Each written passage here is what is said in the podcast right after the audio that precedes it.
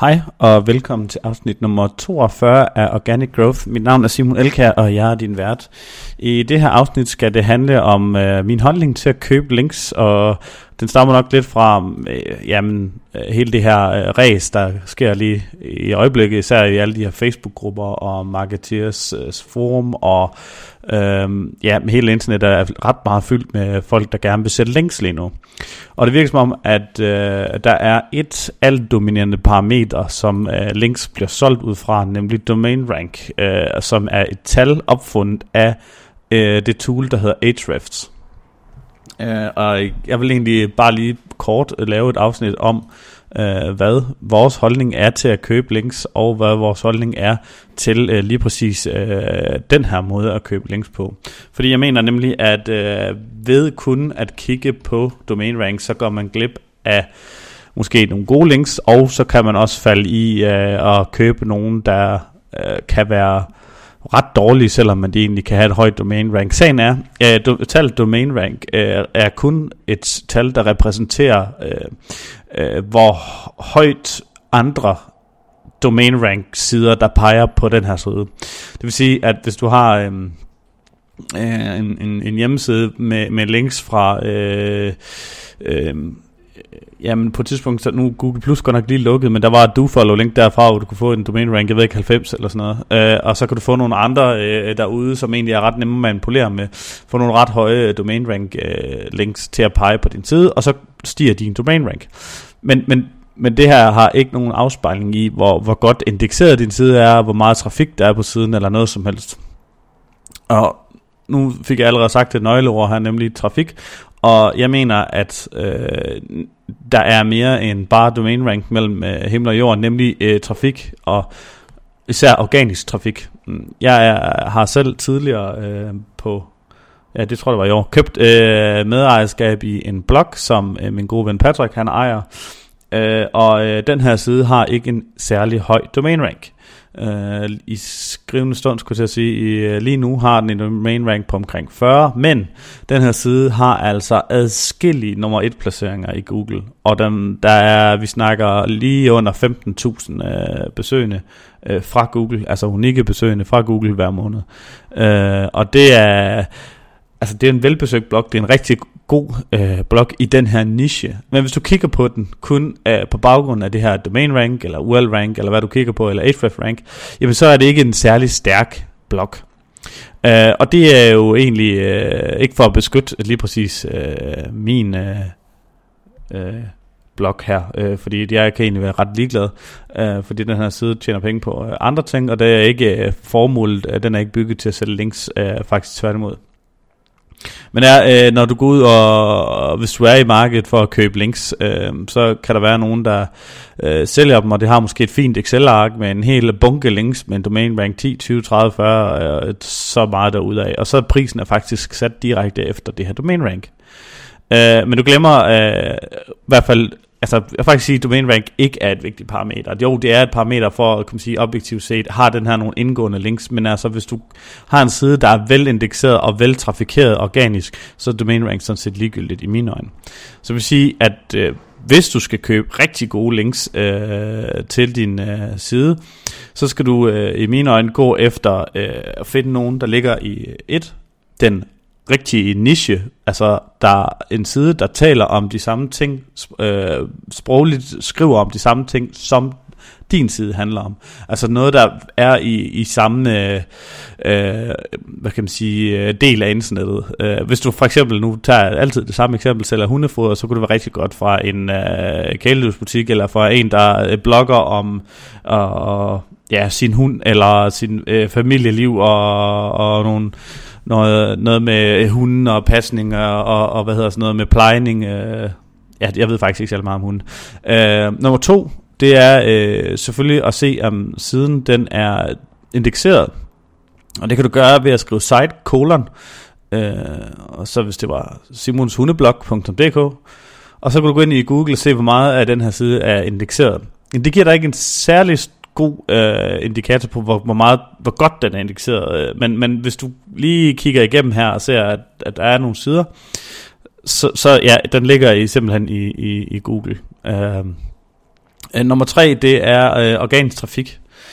Øhm, og, og det er svært at få de rigtige tal, medmindre du simpelthen er i dialog med dem, du køber øh, et link fra, og så få et tal fra Analytics. Og jeg vil sige, hvis de er i, øh, i, market markedet for at sælge dig et link, så burde de godt at kunne, øh, kunne sende dig øh, sådan de, over de sidste 30 dage, eller et eller andet, et, et, et, et overblik over, hvad der er i, af tal, eller af, af trafik fra, øh, fra Google. Og nej, det behøver ikke være 10.000 besøgende om måneden, øh, men, men det er stadigvæk vigtigt, at den her side er trafikeret.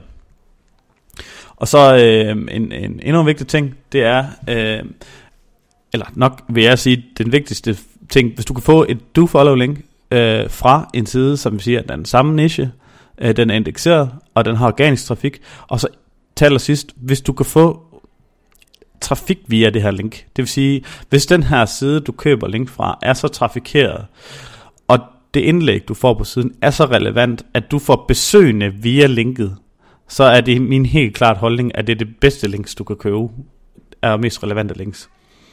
Øh, og det var egentlig øh, fire punkter til, øh, hvordan øh, jeg vil anskue, hvis du er ude i markedet og bare øh, ligger og, og køber links selv.